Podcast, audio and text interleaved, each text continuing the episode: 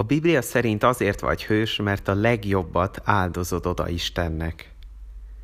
Valószínűleg nem feltételezed rólam, de azért jogosan vetődhetne fel a kérdés ezután benned, hogy álljunk csak meg, kéne valami állatot áldoznom, mint egy ókori embernek?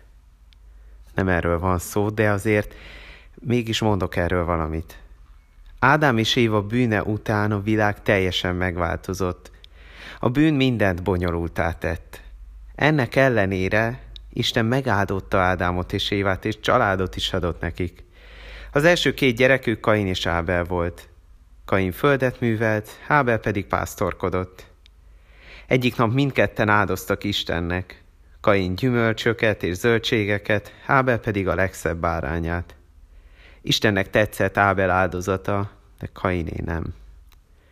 Kain féltékenységében nagyon dühös lett, és ezt azon vezette le, aki közel állt hozzá, és aki érintett volt. Megölte Ábelt. Ezután el kellett bújdosnia, és nem tudta már Istent követni. A történet elég szomorú, de tovább viszi a gondolatainkat, és válaszol arra a kérdésre, hogy hogyan lesz teljes életed.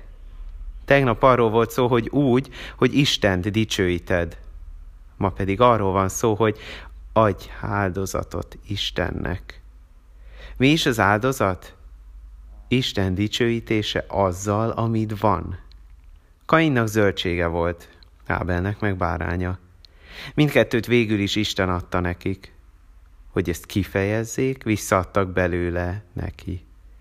Úgy tűnik Ábelnek viszont fontosabb volt, hogy tetszen Istennek, amit ad. A legszebbet, a legjobbat adta. Ábel azért lett hőssé, mert a legjobbat adta Istennek. Mi már átélhetjük, hogy nem kell áldozatot adnunk, mielőtt oda megyünk Istenhez, mikor hozzászólunk. Mert a legjobb áldozat maga Jézus volt.